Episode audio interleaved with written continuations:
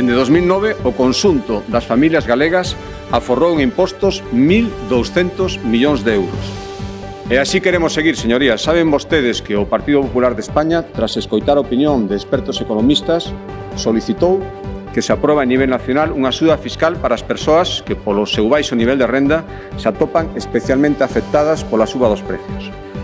Pois ben, se obteño a confianza desta Cámara, quero anunciar que Galicia non vai esperar polo Goberno Central para axudar estas familias. No ano 2023 reduciremos o primeiro tramo do IRPF do 9,4 ao 9%.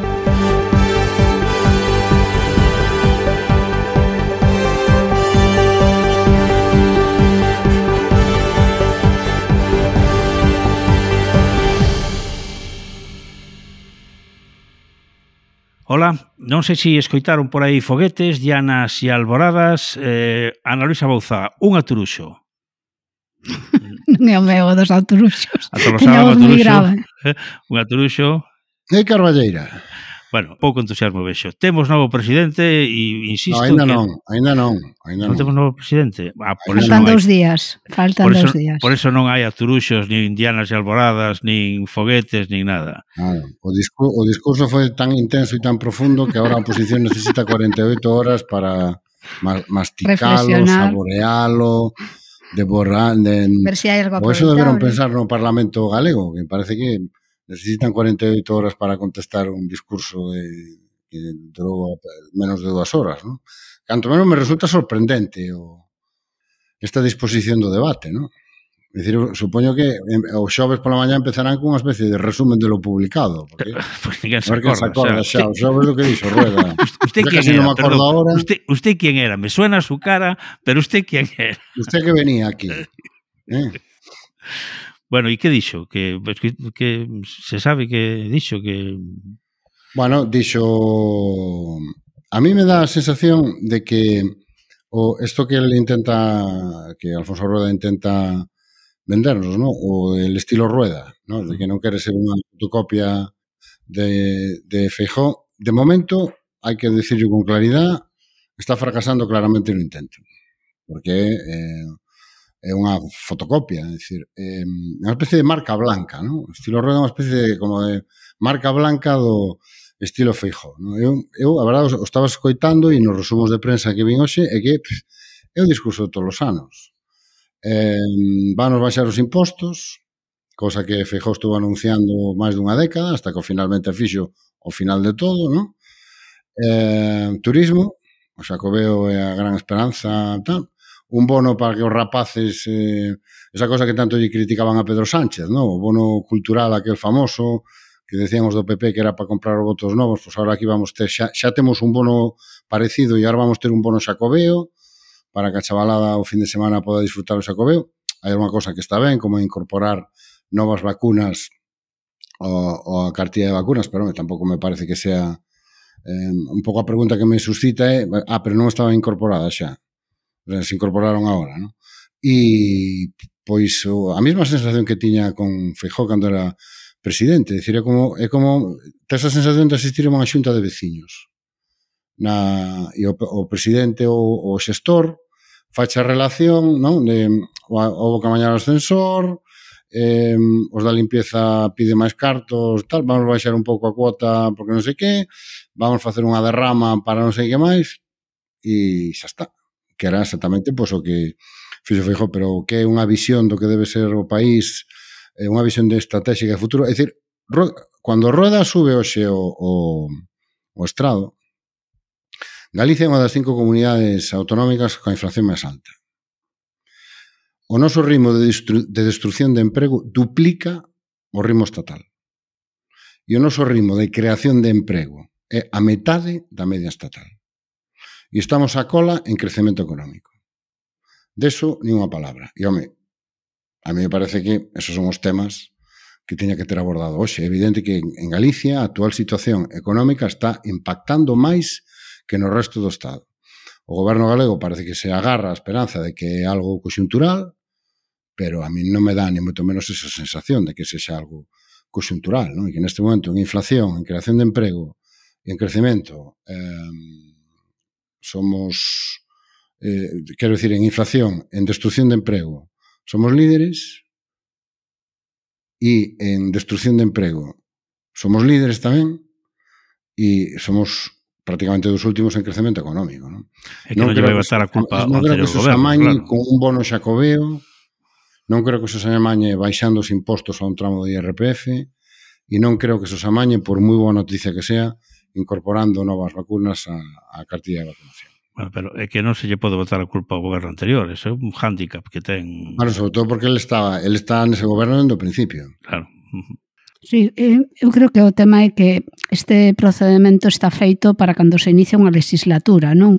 Ou, pois, cando hai un cambio de goberno producido por unha moción de censura ou algo así que ten sentido este debate, ¿no? pero en realidade non hai un programa de goberno novo que se presentara a un proceso electoral, eh, non hai un cambio de, de goberno no sentido de que vaya a ter unha línea de traballo diferente, entón, que a verdade é que pouco tiña eh, rueda que contar, ¿no? Eh, podía sair ali e decir, señoras, señores, máis do mesmo, ata logo, e marchar, porque non tiña nada novo que contar, non? Quizás alguna, algún detalle eh, digamos, eh, simpático, non?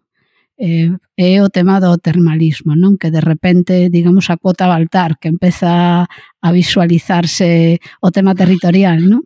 que de repente deciden que unha das, da, das dos eixos fundamentais do turismo porque sigue sendo turismo, non o que vai levantar a economía galega, non serviu de nada o de, a debacle da pandemia, nin que sexa un sector que realmente non xenera emprego estable, nin crea riqueza estable, bueno, eso tanto ten. Sigue sendo o turismo un rollo superfraguista, non?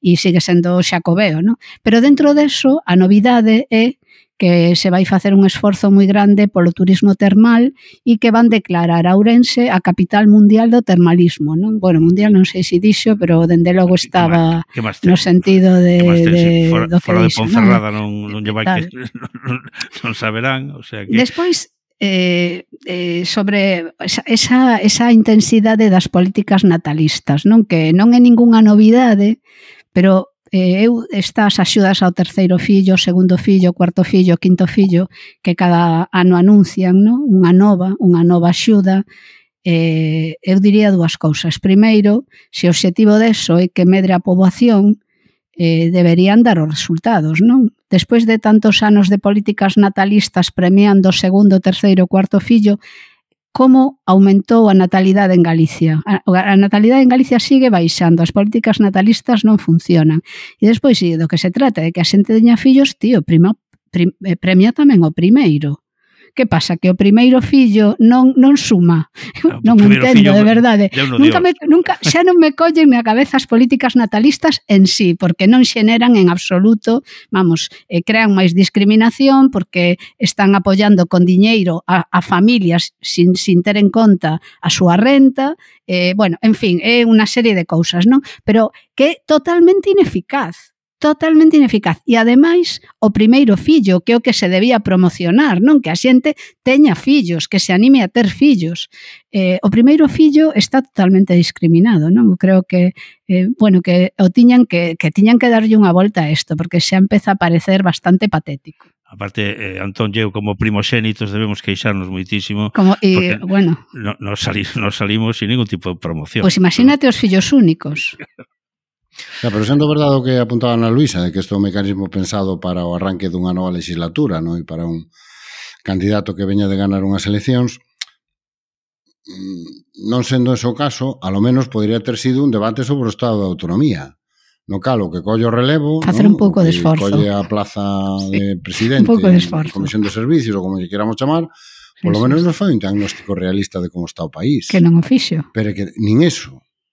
É dicir, fixo un balance, o enésimo balance da, da, dos anos dourados de Feijó, para de paso, bueno, pues seguir bebendo un pouco do rebufo deso e a partir de aí trazou unha, un diagnóstico do que é o país que non se corresponde ca realidade dos datos que temos en riba da, que temos en riba da mesa. Dicir, non quero repetilos, pero os datos que acabo de apuntar desde o punto de vista do cuadro, do cuadro macroeconómico do país son alarmantes e non escoitei ninguna...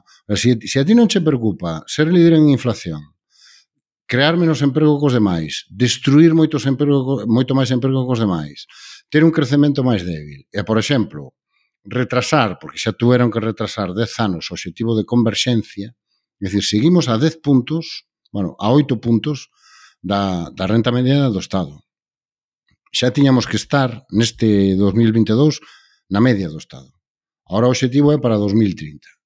E resulta que a proposta que nos trae Rueda é un bono xacobeo é unha lei de inclusión social que non se sabe moi ben exactamente que, e que, por suposto, non sabemos que financiación vai a ter, vai, vai a ter. O asunto do termalismo e unha rebaixa fiscal que eu creo que acabará beneficiando pois, a un porcentaxe moi, moi pequeno de galegos e galegas e unha cantidad moi pequena.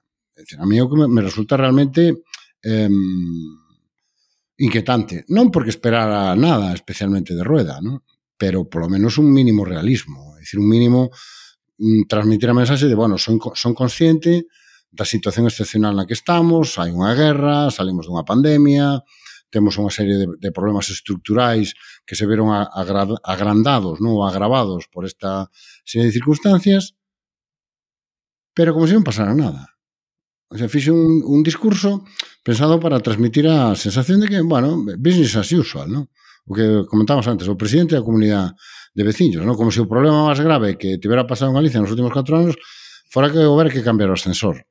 Ah, bueno, este, eh, eh, bueno, el presidente de la Junta no pudo venir, pero estoy aquí, que soy el, el del bloque A y, y, y, ya me tengo los papeliños todos y, y él está enfermo, pero yo vengo aquí y lo sustituyo. De todas maneiras, isto é Mais, o sea, o que pasa é o que estamos falando, o que pasou, escoitamos o debate ou a, a charlilla de, de, de do noso Alfonso, pero eh, tamén outra noso cuestión... Alfonso, ainda non. Ainda non. O, o pros... No, o, hai un meritaxe que ten, sí, que, ten, razón, que razón, no. o becario Alfonso. Eh, eh, despois de escoitar o becario Alfonso, eu esperei unos, unas horas e tal, e puxenme a ver os titulares dos medios amigos de, do noso becario Alfonso, non?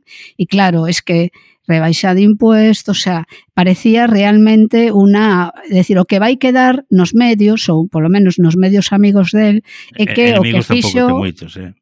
Bueno, pero algúns non son tan tan, amigos, tan amigos. afagadores, non? Sí. Eh, eh, queda como se si realmente houbera unha proposta de cambio brutal, non? Se baixan os impuestos, se apoia as familias, eh, se, se apoia a sanidade, eh, una, una, un cambio estrutural na atención primaria, bueno, vergonzoso, vamos, se xa é vergonzoso eh, habitualmente, eh, desta volta moito máis. Eh, non sei se é que escribiron directamente o que lles mandou ao Gabinete de Comunicación da Xunta e non escoitaron o, o a, ao becario ou realmente eh, é vergonzoso. Ah, que para min o máis grave é iso, é por seguir ca metáfora sanitaria, non? É dicir, estás vendo como enfermo se vai en este caso sería a economía galega, non? E a situación socioeconómica vai agravando e agravando ademais dunha maneira non gradual, sino bastante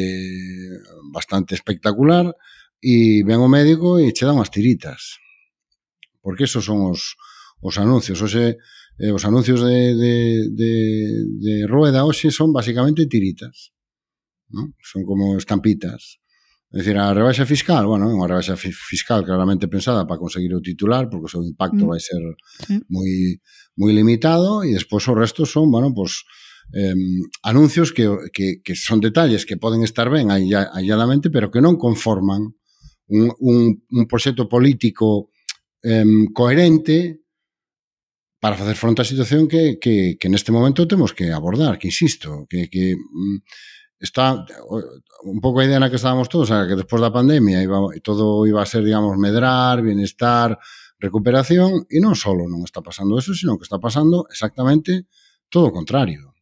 E que sobre da gran recesión e sobre da pandemia ahora temos outra crise económica. E claro, tú repasas o discurso de Alfonso Rueda de hoxe, insisto, eh, como, como si vas ao médico porque tes unha enfermedade moi grave e che dá un, tiritas e, un, e, un, e unha aspirina. Chamou vostede os grandes almacéns das Women's Planers.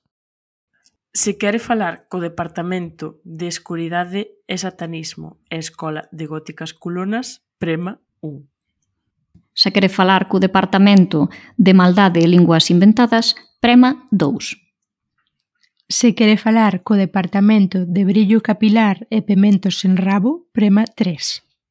Cada xoves, para señoras con criterio e señoros en vías de rehabilitación, as Women's Planers, un podcast da revista Luces co patrocinio de Punto Gal.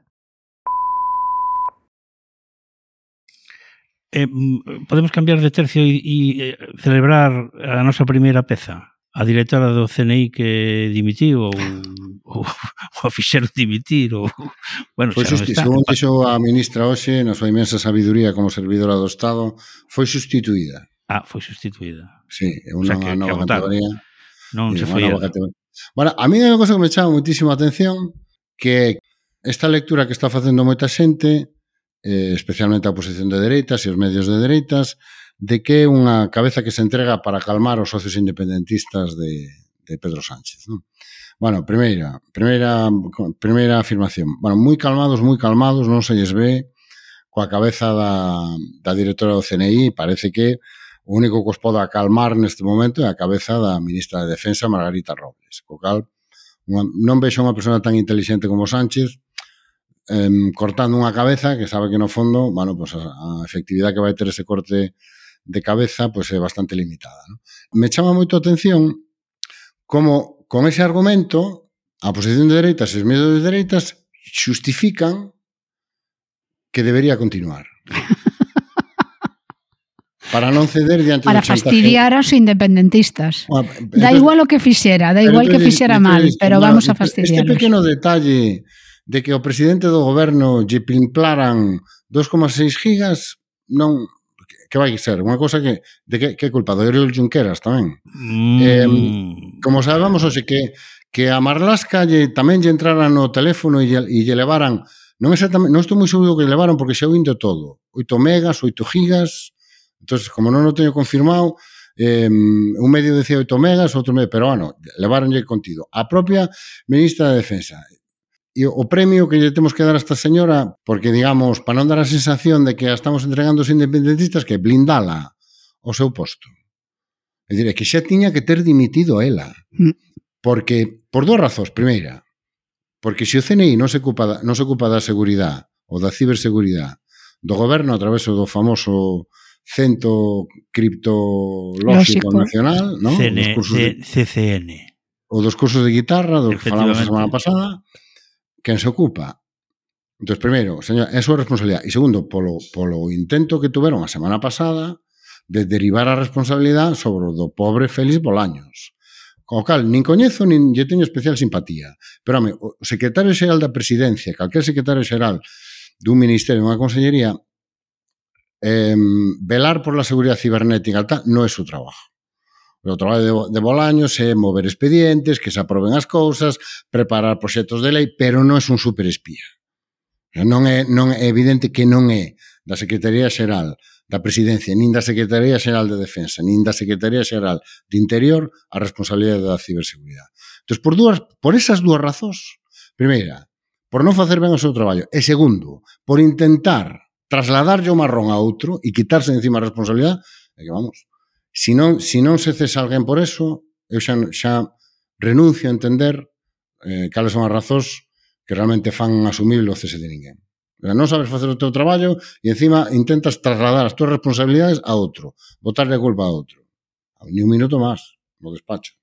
Pois sí, esta, esta señora efectivamente te, non lle quedaba outro remedio que dimitir, porque independientemente non dimite por ser eh, mala no sentido moral, non dimite porque ela intentara o sea, que, que fixera por maldade eh, eh, gravar ou deixar que se escoitaran as conversas de outras persoas que o seu traballo é garantir a seguridade. É verdade que, como no tema dos narcos, no, a maldad sempre vai por diante e hai novas tecnoloxías e a policía vai por detrás, no? pero bueno, cando fallas desta maneira e cometes un error como este, tes que dimitir, que O sea, que eu creo que non hai non hai dúbida, non? é intentar meter polo medio eh, a, o rollo utilitario de que si dimite estás llevando a razón aos malos, aos nacionalistas, pois pues, que me parece patético, vamos. Bueno, que ademais, eh, ademais de non facer ben o seu traballo, Ademais de tratar de escurrir o bulto e trasladarlle a responsabilidade a outro ministerio, como se o CNI non tuvera nada que ver ca ciberseguridade do goberno. Non que dices tú, se, si no, se si o CNI non se ocupa da ciberseguridade do goberno, entón de que se ocupa o CNI, non? Claro. Eh, hai un terceiro elemento que eu creo que que aínda a puxo máis na picota, que é que a súa comparecencia diante da Comisión de Fondos Reservados, lonxe de contestar mm, preguntas, puxo máis preguntas en riba da mesa. Mm. Dicir, tú non podes ir a esa comisión a decir que un vicepresidente dun goberno autonómico, neste caso Pere Aragonés, foi espiado polo CNI sin explicar as razóns. Dicir, non podes facer. Segundo, a mí non sei que me intranquiliza máis. Um, que o CNI decidira pola súa conta de risco investigar a un cargo público sin comunicarlo nin a ministra de Defensa nin ao presidente do goberno ou que a ministra de Defensa ou o presidente do goberno se operan e autorizaran que se fixera eso e que se pedira autorización judicial. Ou que un xuez autorizara o espionaxe a un cargo público. A un cargo que público. eso Pareceme tamén, claro, porque unha cousa é que sexa legal porque un xuez do Supremo ou dous xuíces do Supremo o aprobaron e outra cousa é que ah, criterio ah, seguiron legal. eses xuíces do Supremo mm, pero pode o sea, ser que, legal pode ser pero legal. non é lexítimo é que, claro. Vamos, esa dicotomía no, em, em, que se plantea tamén moitas veces é falsa é que se non fora legal sería delito E non, non estaremos falando dunha emisión, estaremos falando dun proceso penal mm. contra a directora do CENIS. Solo faltaría que non fora legal. Mm. E que non é esa a cuestión. Claro. A cuestión é se si políticamente eso é aceptable. Se en termos de calidade democrática é aceptable que os servicios de inteligencia dun país se dediquen a espiar a cargos públicos e a cargos electos. Porque cando falamos do CNI, home, eu entendo espiar presuntos terroristas, presuntos narcotraficantes, ameazas directas para a seguridade do Estado, pero o vicepresidente da Generalitat, de que non se me ocurre en que en que exactamente, en que definición da misión do CNI encaixa eso perfectamente. Claro, que, iso, que... iso debate que se está intentando furtar. E o que, o que comentábamos... Que, bueno, como, eran, como son independentistas vale todo. Non, non, non, non, non, non vale todo. Dizer, políticamente é inaceptable o que está pasando. E despois, e xa remato, explicou 18 hasta 65 quedan un número moi importante de espionaxes confirmadas que non sabemos que nos ordenou. Non sabemos que nos ordenou, non sabemos eh, con que fin, con que propósito, nin que utilidade. É dicir, só foi capaz de explicar de cebeto e pas outras non tiña ninguna explicación. Que dices, pero que clase de servicio de espionaxe este? Que clase de servicio de inteligencia temos, ten o Estado español? Sí, sí, como da policía patriótica, non? É aplicar o dereito do enemigo. Non somos todos iguales ante a lei, porque según ese sistema, todos os eh, cargos públicos do Partido Popular debían ser espiados porque hai precedente de corrupción. E sería o mesmo criterio, non? O sea que políticamente non, te, non hai por onde collelo, non hai por onde collelo. Entón, claro, como é un tema político, non como ti decías, quen o solicita, parte de poñer en cuestión a legitimidade dos xuíces do Supremo, sinceramente, pero, eh, bueno, o millor por eso non se renova o Consello Xeral do Poder Judicial, no? Pero, eh, aparte diso, políticamente, hai unhas responsabilidades que efectivamente non son penales, non son o mellor administrativas, pero sí que son políticas, así que, claro, a cabeza desta señora a min pareceme tamén que non abonda, non? A menos que eh, actuara sin poñer un coñecemento da ministra, que xa me parece que sería o, un, unha responsabilidade e unha iniciativa que é pouco eh, pouco posible, non? E a min tamén agora... decía eu que ao fío desto, o sea, ao fío desto e do, do tema de, de, de, do noso becario Alfonso, non?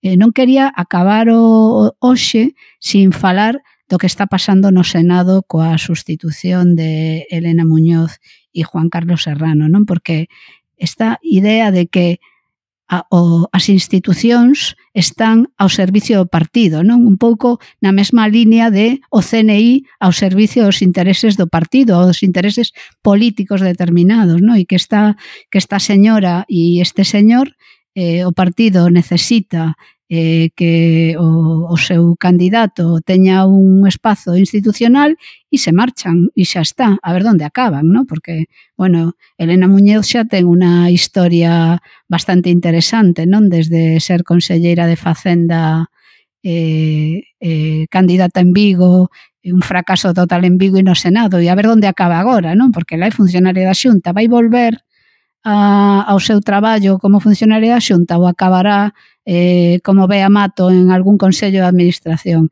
E, bueno, o caso de Juan Carlos Serrano, que era alcalde de Porto Marín e marchou, deixou a alcaldía con maioría absoluta para ir ao Senado eh, e de repente ten que marchar e non ten a onde volver, que vai pasar con este home, non? O sea que tamén esa utilización eh, dos cargos públicos ao servicio do partido, que é tan propia do Partido Popular e que ademais o consideran un signo de lealdade e de unidade que tanto lles gusta. Bueno, a mí me parece un caso de manual, de confusión entre partido e institución e de uso partidista das institucións, non? Dito de outra maneira, se si Núñez Feijo non se tivera convertido no líder do Partido Popular, sería hoxe senador en representación de Galicia? Non.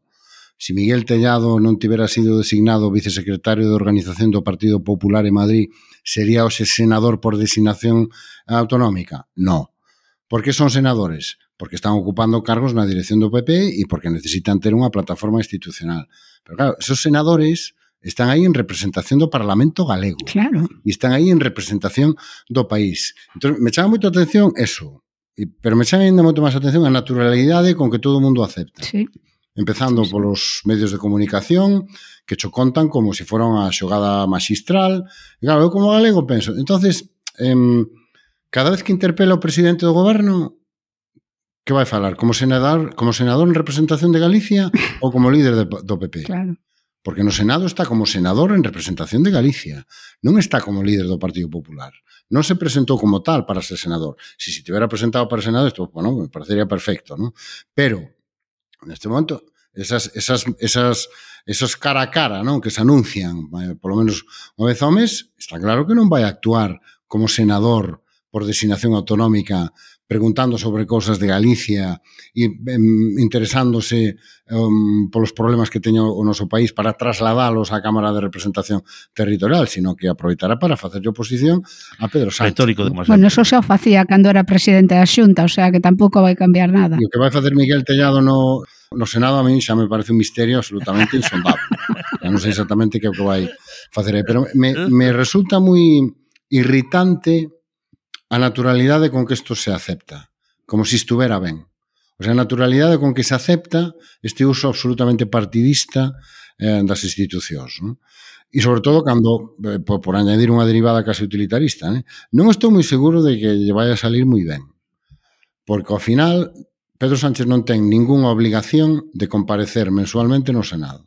O sea, haberá confrontación entre os dous cando Pedro Sánchez quera, non cando quera o noso Hai que lembrar que os partidos políticos son institucións privadas, non públicas, non? Imagínate que unha empresa polos seus intereses decidira cambiar a un senador por outro, non? E que, e que o senador aceptara, o sea, onde está a túa a túa representación, non? A túa responsabilidade como representante de, de unha institución, de un pobo, de unha soberanía nacional, non? E despois en que lugar queda o Parlamento galego, non?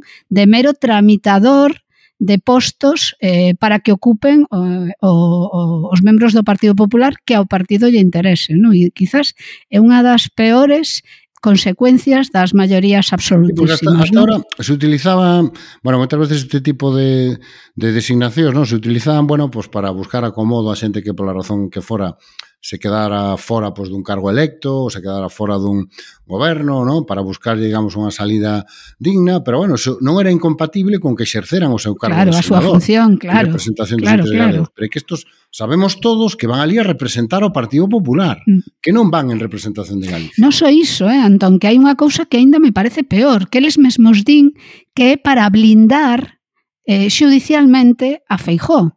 É decir, para que sí, durante este tempo no que non vai haber eleccións xerais, eh, hai, eh, se inicia un procedimento penal ou civil contra el, teña que ir eh, a través aforado, do sistema aforado, de forado.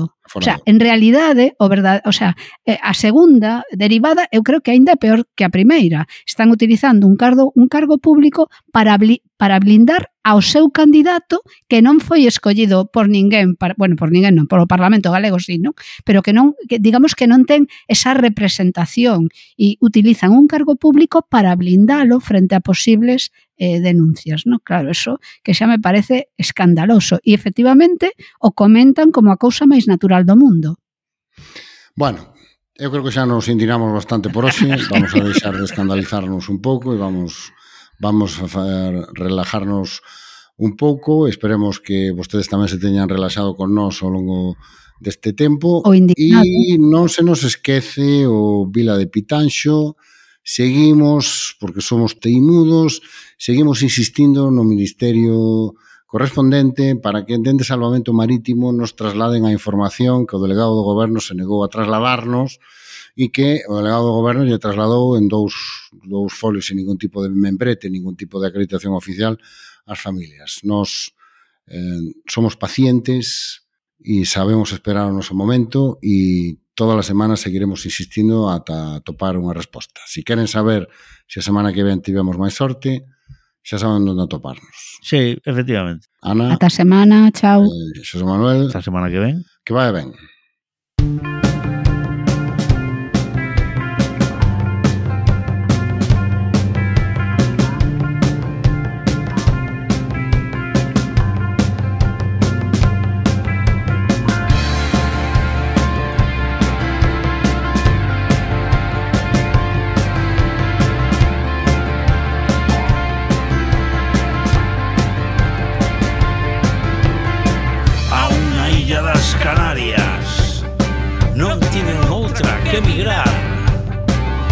chollar do que fose Lonxe, lonxe do fogar É que me invade a morriña Da patria de Breogán Cando os coitos resentidos.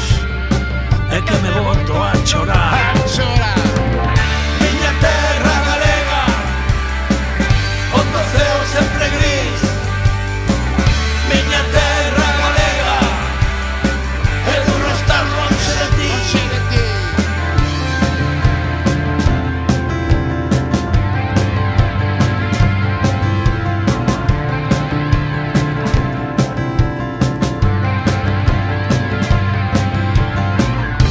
se queixan os pinos. E os montes arden demais Cheos de muiños e eucaliptos. Dende o miño ortegal Onde as vacas son marelas E unha especie a conservar E os que antes facían barcos Abriron agora un bar